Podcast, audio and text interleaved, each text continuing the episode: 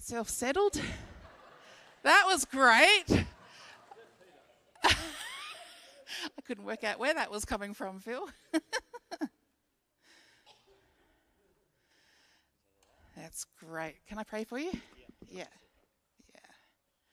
Yeah, this heart is prepared and this heart is ready to, to share your word, Lord. He's been listening on our behalf. And so now we open our ears and our eyes and our hearts to the word that you're going to speak through, Phil.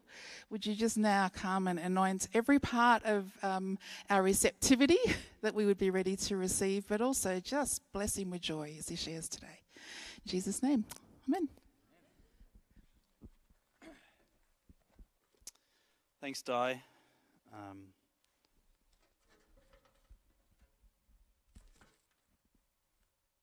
uh, all right, hi everyone. Sorry, I just had to get myself organised. You don't want to turn up the wrong script and go, oh, that's not what I'm speaking on. Anyway, um, it's great to be here, and it's been really fun. Uh, this is is this five weeks for us, babe? Or was it or six? Five? Anyway, we're getting to know some of you, which has been really special. Hanging out, we've done some walks with you. We've eaten sausages and eggs and amazing things together at the men's breakfast. Um, so, just for those of you who don't know me, my, my wife Kath and I, we pastored Northridge Vineyard, which is another vineyard church up in Sydney. We started about 25 years ago from a tiny little group of people, and God just grew it and grew it, which was a wonderful blessing. And then uh, years ago, we passed it on to some of our leaders that had been with us for a number of years. And so it's been looked after, which is fantastic. And so it's freed us up to come and cheer some other vineyards on around the place. And it's just been so fun to be here. Kath and I realised that we hadn't actually come to, to Yarra Valley, like to church here, since Peter Downs was pastoring. So that was a while ago. So it is so fun. Like people going, oh, yeah, that's an age ago.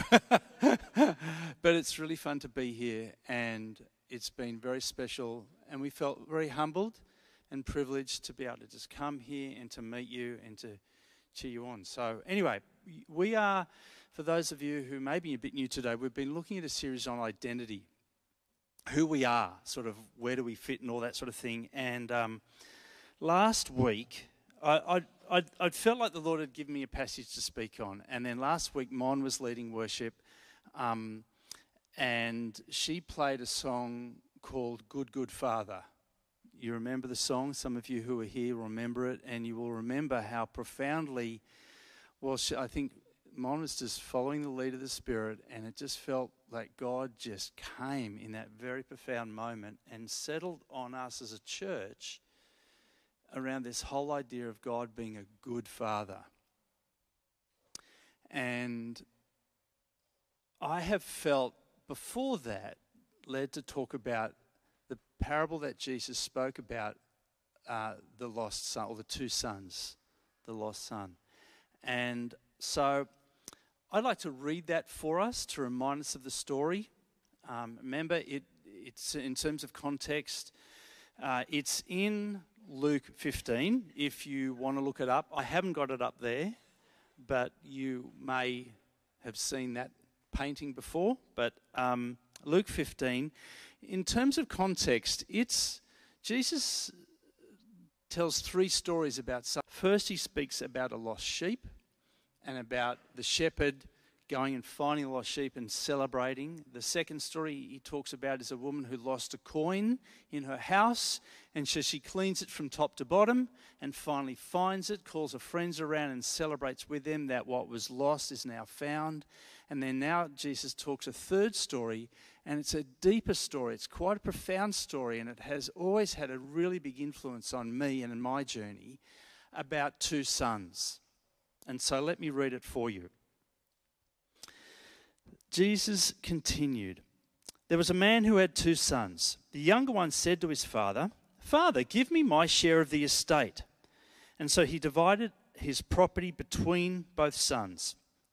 Uh, not long after that, uh, the younger son got together all he had and set off for a distant country, and there squandered his wealth in wild living.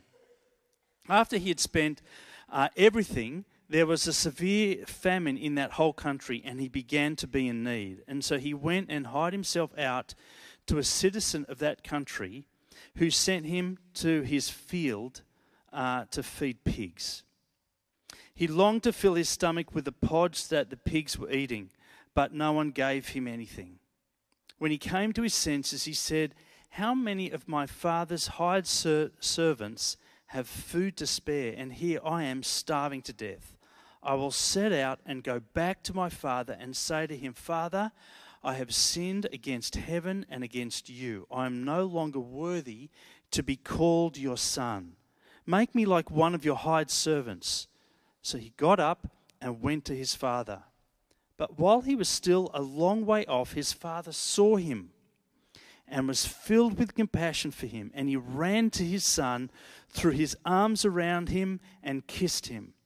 The son said to him, Father, I have sinned against heaven and against you. I am no longer worthy to be called your son. But the father said to his servants, Quick, bring the best robe and put it on him. Bring a ring, uh, put a ring on his finger and sandals on his feet.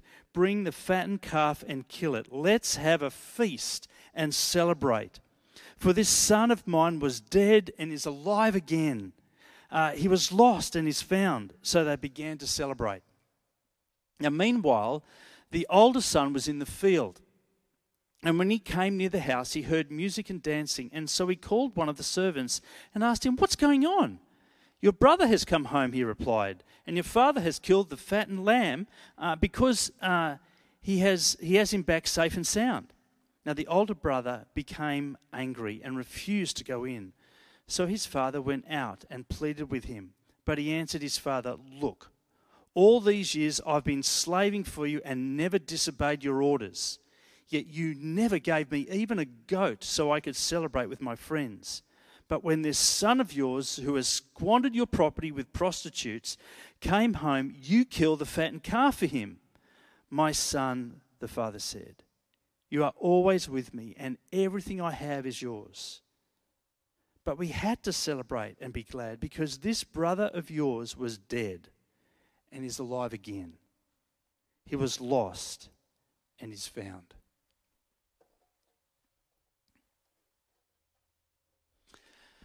Well, here's a son who looks over the fence and sees that the grass is greener.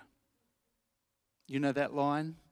He looked at his life at home, doing all the work for the family, and looked over the fence into the world and thought, I think I can have a better time somewhere else. So he goes. He takes his share of the family's wealth, heads off and then the world that he thought was going to satisfy all his desires, all his needs, proved wrong and humiliatingly let him down. He thought he could do it without his father, without his presence. But he thought he had enough. He thought the wealth that he got from the family would see him through but it didn't. He becomes helpless, alone, and shamed. He had lost his wealth, his worth, and his identity.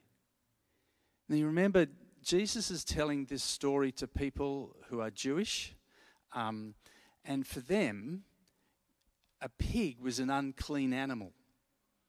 And so where he got to wasn't just away, he was away from his family, but so low.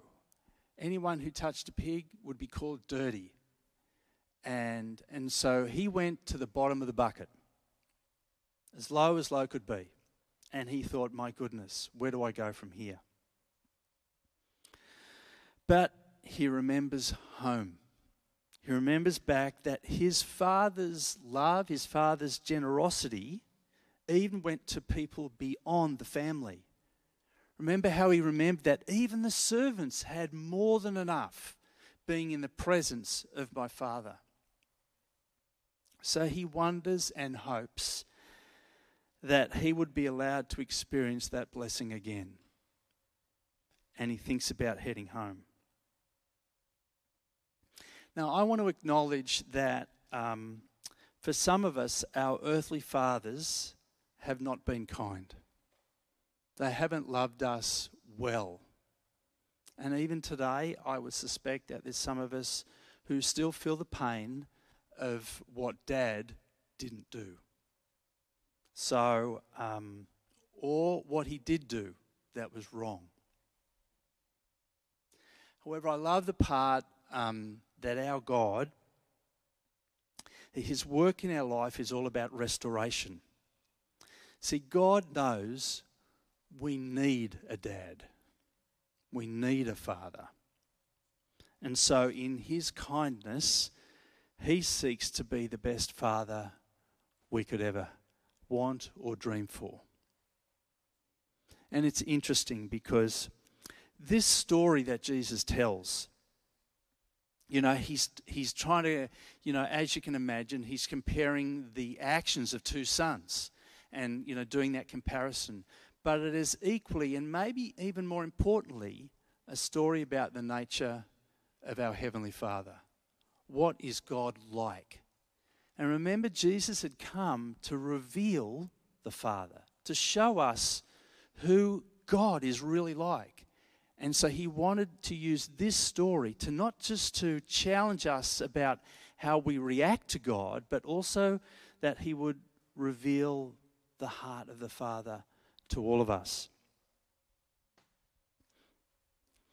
Now, the thing that we see about the Father that He's watching. So, in terms of what's happened, this son has, the, the youngest son has basically said to his dad, I, I consider you as dead. Because when do you get an inheritance from mum and dad? When they die. And so he was basically saying to his father, I'll treat you as dead. Give me what I deserve now, even while you're alive, but as though you were dead. And so he says that to his father. He takes it off and does his thing, and um, he wants to do his own thing without the father at all in his life. Now, what we see about what's going on is that even as soon as the son leaves, the father starts watching. He never stops watching. He has not stopped thinking about his son. And I, for me, that's huge.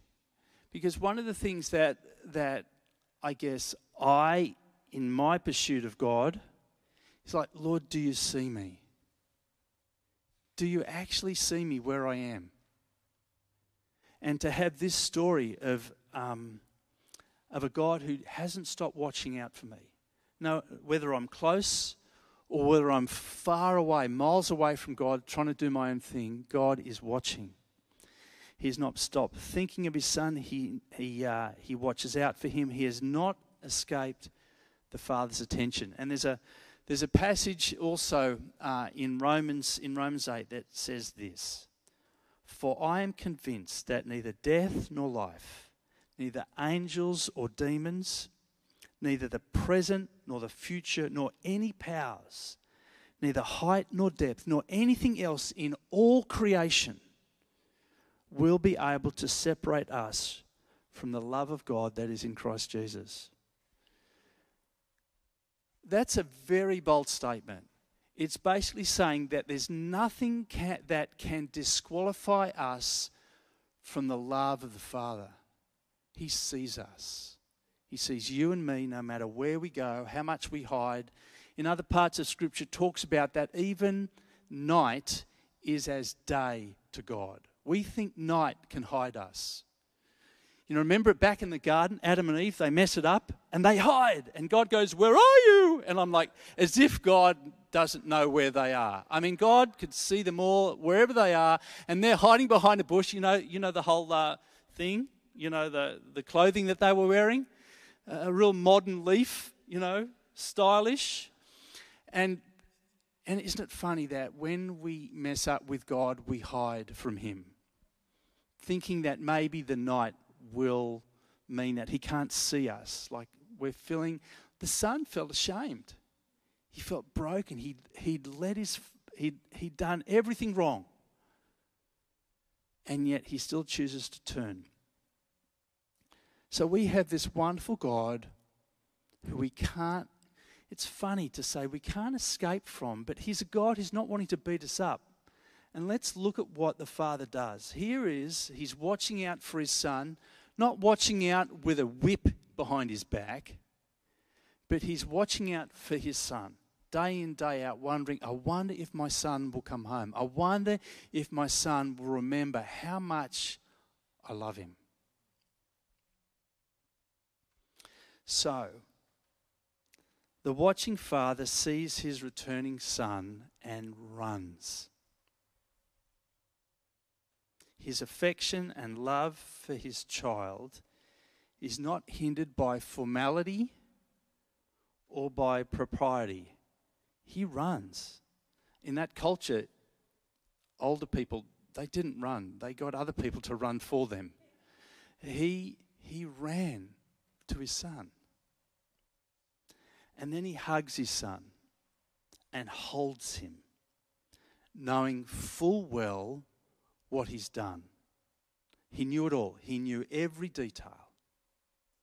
And what's interesting is I was thinking about this, I'm thinking, you know, the father didn't run out and go, Ooh, you're a bit whiffy. How about you zip in and have a quick shower, then I'll give you, then, then let's have a chat.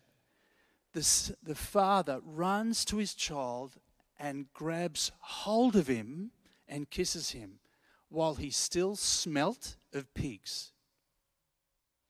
While his clothes were still, I mean, his clothes were, you know, rags, probably half a shoe on, maybe. So, isn't that, I was just thinking, Lord, that's huge that you actually took hold of your son while he was still stinking of those pigs. Well, um, for me, I'm, I'm a bit of a hugger. I like hugging. Um, not just randomly, I just don't walk up to people and hug them. Um, that would be very strange. Um, but in terms of people I know, um, blokes as, as well as my lovely wife, um, I love hugging. I think it's such a powerful image. And here we have this hug from the Father. Now, remember, Remember on the way, the son was rehearsing his confession? Yeah? He was going, well, this, what am I going to say to dad? You know, my goodness, what am I going to do? How am I going to at least try and get back within the covering of this family? Not be a son, but at least within the influence of this family. But the father doesn't wait for the confession. He goes straight in and hugs. Now, I don't know about you, but that hug, and hugs mean a lot, don't they? Hugs mean huge things. It's not just a, oh, it's so good to see you, haven't seen you for a while, or, g'day, mate, how are you? You know, it's just a, you know, round the shoulder one. It was a full on, bury your head in sort of hug. And it was a lingering hug. It wasn't the, oh, quick. It was, he grabbed hold of his son and said, I'm going to hold you here, my man. So, for me, that's been very special. That I felt that, that God has come to me and my Heavenly Father has hugged me and held me and that means so much. It's restoring, it's healing, but also in that hug, I find forgiveness, I find acceptance, I find understanding, I find grace and affection. All that by just holding somebody tight. That son was wondering, what on earth is my dad going to do to me? He had all those fears, wondering how he would be received by his dad. And this wonderful father holds his son. And I want to say holds his daughter as well because, you know, we're, but we are all people needing the hug of the father. Amen? And it's like that hug to his child was so powerful. Not a word said. But that hug began a restoration in that person's, in that son, daughter's life that changed them forever.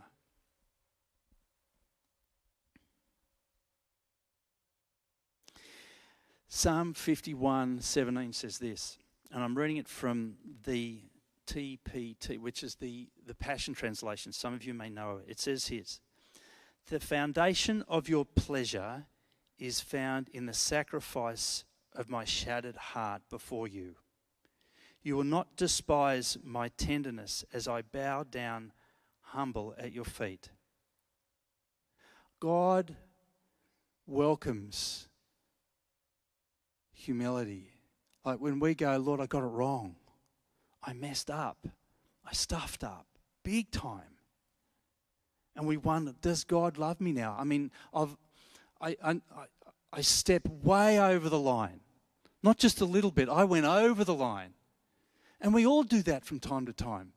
Some of us a little bit, some of us a little bit further, but the same thing applies that we have a God who is prepared to say, Welcome home, I love you, and I forgive you, and hug and hold. So, so we have this time. The hug finishes, as huge as it was, and he steps back and he looks at his dad and then he confesses, realizing his wrong, his, his failure before God, as well as before his father. All that he'd done wrong, and he puts it on the table. And the son came home feeling disqualified. Now, sometimes we feel when we get things wrong, we feel disqualified. Or we feel like we've got to earn God's favor back again. We've got to be good and perfect and do everything perfect again. And, you know, be, be spotless and blameless.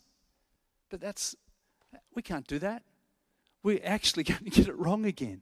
But here we have this, this son wondering, Am I worthy of being a son again? I've taken my share of the property and lost the lot. There's nothing owing to me. Like, I can't get legally, sort of thing, anything more from this family. And so he's wondering, I guess, I, I know I can't be a son because he feel like he's already gone that too far. But could I just be a servant? Could I just come and be in this environment? Because this environment is a blessing. And the And the dad's amazing. Here we have, well, let me just say, here we have a son who is happy to be a servant. But then we remember there's another part of the story about the older son who had felt like a slave in the father's home. So there's that comparison that's happening that the older son had it all there and yet he felt like a slave. So something was going on for him. But I, I really want this morning for us to concentrate in a way on what happens to this younger son because I feel in some way all of us are like that. Because we're not we're not perfect and we need that hug of the father. So the father hears the younger son's confession but chooses to, to act in great compassion and restore his son, rebuilding his identity as part of the family. So he calls quickly, Bring the best robe, put it on my son. And I think the robe is that sense of covering.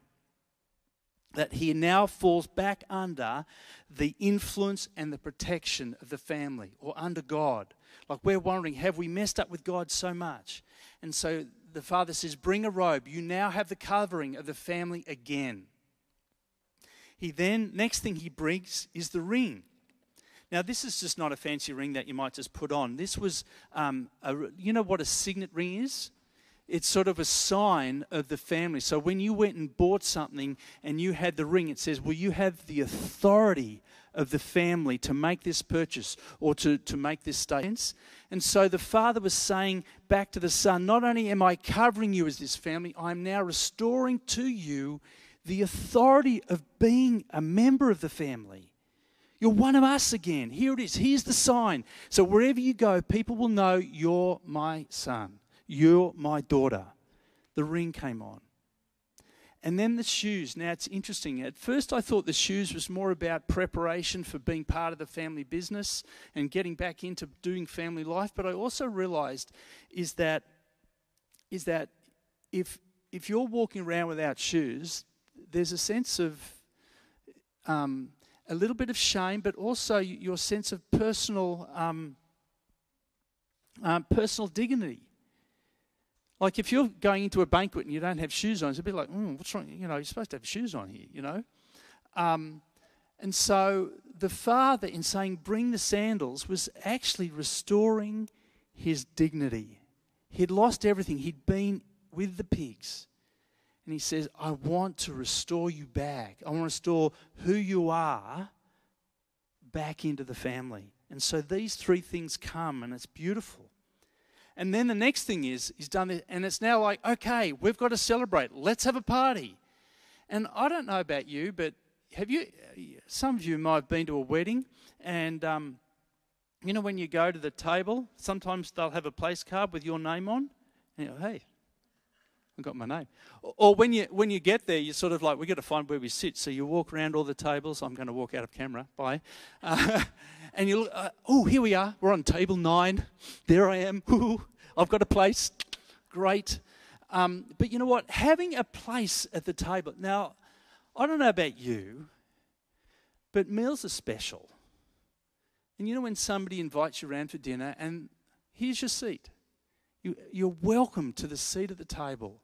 And it's like sometimes you may be a host and you love inviting people in and say, Come, I want to bring you and give you a special place at our table and let's share. And there's a sense of love and community and all that sort of stuff around the table. And so here's the Father saying, as a symbol of what has just happened, you've come back, you're restored, you're a son of mine, you're, a, you're in the family again. Here is your place at the table. For every one of us in this room, God has a place at his table. Your place that he's reserved for you because you matter to Him. You matter to Him more than you can imagine that He's already got this place assigned for you at His table. And so they celebrate a wonderful joy. And it's, and it's good because in all these passages, when something that is lost is found, joy comes. You know, every time we, t- I need to let you know, there's a whole bunch of people in this world who couldn't give a rip about God. But you're here because you're trying to.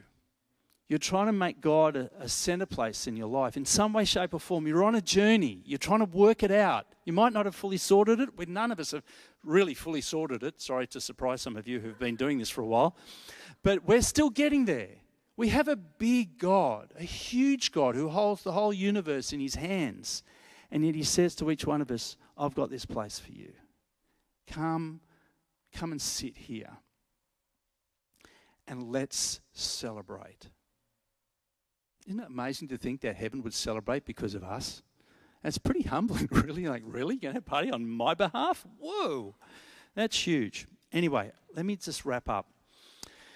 The restoration for the son involved a hug, a robe, a ring, sandals, and then a celebration at a banquet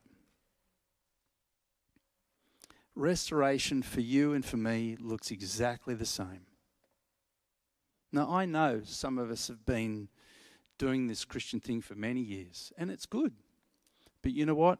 I've been doing it. I became a Christian when I was 15. And was, it perf- was I perfect since then? Uh, not really. and so there's been times along my journey when I know, oh boy, I need a hug from God. I need to be reminded again that my life matters to Him. That He actually wants to hold me, that I don't smell too overwhelming for Him to actually come and just hold and say, Phil, I love you, I forgive you, I want you as part of the family again. Welcome home. And Jesus is saying that to every one of us welcome home. Come here, I want to give you a hug. I want you to feel how important you are to me. Not just that it's a knowledge thing, but I want you to feel it. So that's why I like hugging people, because I want them to feel not that I love them, but God does. And so, um, God wants to restore our identity. And when we go out into our world, it gets beaten up. We forget how important we are because the world tells us maybe the opposite, or our circumstances tell us the opposite, or somebody in our home maybe tells us the opposite, or in our workplace tells us the opposite. But God wants to remind us that we're valuable to Him, that we mean the world to Him. And so I think one of the things that the Lord loves to do is keep drawing us back, giving us a hug, and saying, Welcome home. Amen? Yes? And you I don't know where you all are at with the relationship with God. As long as we're heading in that direction, that's a good start. But you know what? I feel like the Lord wants to give us all a bit of a hug this morning. Now, that's, that may go, okay, that's going to be a bit weird. What's that going to look like? But you know what? I think what I, this is what I like to do. Is I now don't jump straight away because I know some of you. Oh, let's do this, Phil. I, I want to invite us to stand, and I know that some of you here are like, you know what? I don't feel as close to God as I'd like to, and I'm a little bit con- uh, like I want to f- do something about that distance. I feel like I need a hug. And the robe and the ring and the sandals. I'd like the lot. Do you know what I mean? Let's bring it on and then let's have a celebration. So, what I want to do, I'm going to get us to stand, and then I'm going to invite you that if you feel like that's you this morning, that I actually like you to come out the front. Now, I'm, now that may be a bit like, oh, flip. Fine, I'm happy to stand, but oh, getting out the front's a little bit harder. It's not because I want to show you, show you off. It's just because it gives us space, but it, it does one thing. The one thing that the younger son had to do was to turn around and head home. Does that make sense? He actually had to do something. He had to acknowledge that he wasn't in the place that he should be and that he wanted to get to the place where he wanted to be. So he actually had to move. And so when we come forward, it's like an act of, Lord, I want this. And I want, I know I need this. And so I'm prepared to get up out of my seat. I'm going to walk forward. And then what I'm going to do is that this is a, this is a safe place. Around this room is a whole bunch of people who love you. Now, if everybody comes out the front, which would be really great, then we'll just do it together. But there may be some people who are like, I'm cool, I feel like that, but I want to, I want to come and minister sort of that blessing of God to people. And we'll do guys, guys, girls, girls. Do you know what I mean by that? That we're having, if a girl comes up the front, then they, they get a hug from the girl. Not a guy coming out, oh, I'm going to hug all the girls. No, no, no, that's not how we do it here. um, but the other thing that I'd like you to do, if you would like to come up and actually pray, because we're going to pray and potentially give a hug, but I actually like you to ask if you're going to do that for someone who's come forward, to actually ask, Would you like me to hug you? Permission. Because that's how we love each other. We don't just presume that this person wants you to actually give them a hug, because we can still sh- share God's love and mercy and grace by just putting a hand gently on their shoulder. Are we all cool about that? Now, I believe God's been doing a whole lot of stuff in you, in me, in all of us. And so let's stand and invite the Holy Spirit. So let's do that. Now, I know there's some guys who come up and going to come up and do la di das up here. Cool. So, can I just encourage you now before we sort of launch, just close your eyes because this is your business with the Father. This is where you are. So, Heavenly Father, we just bring ourselves before you this morning.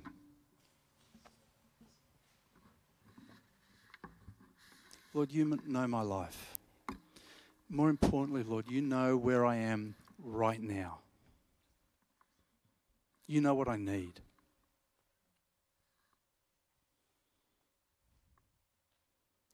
And Lord, you know how desperate I am and also how frightened I am.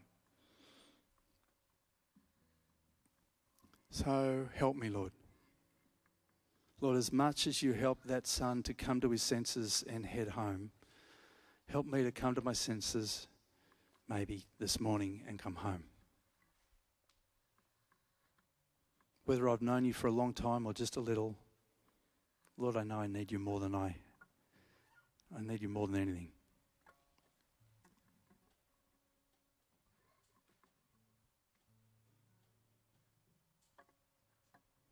So, Holy Spirit, just come and move on us. So, can I encourage you if you feel like you need some love from your Heavenly Father this morning, that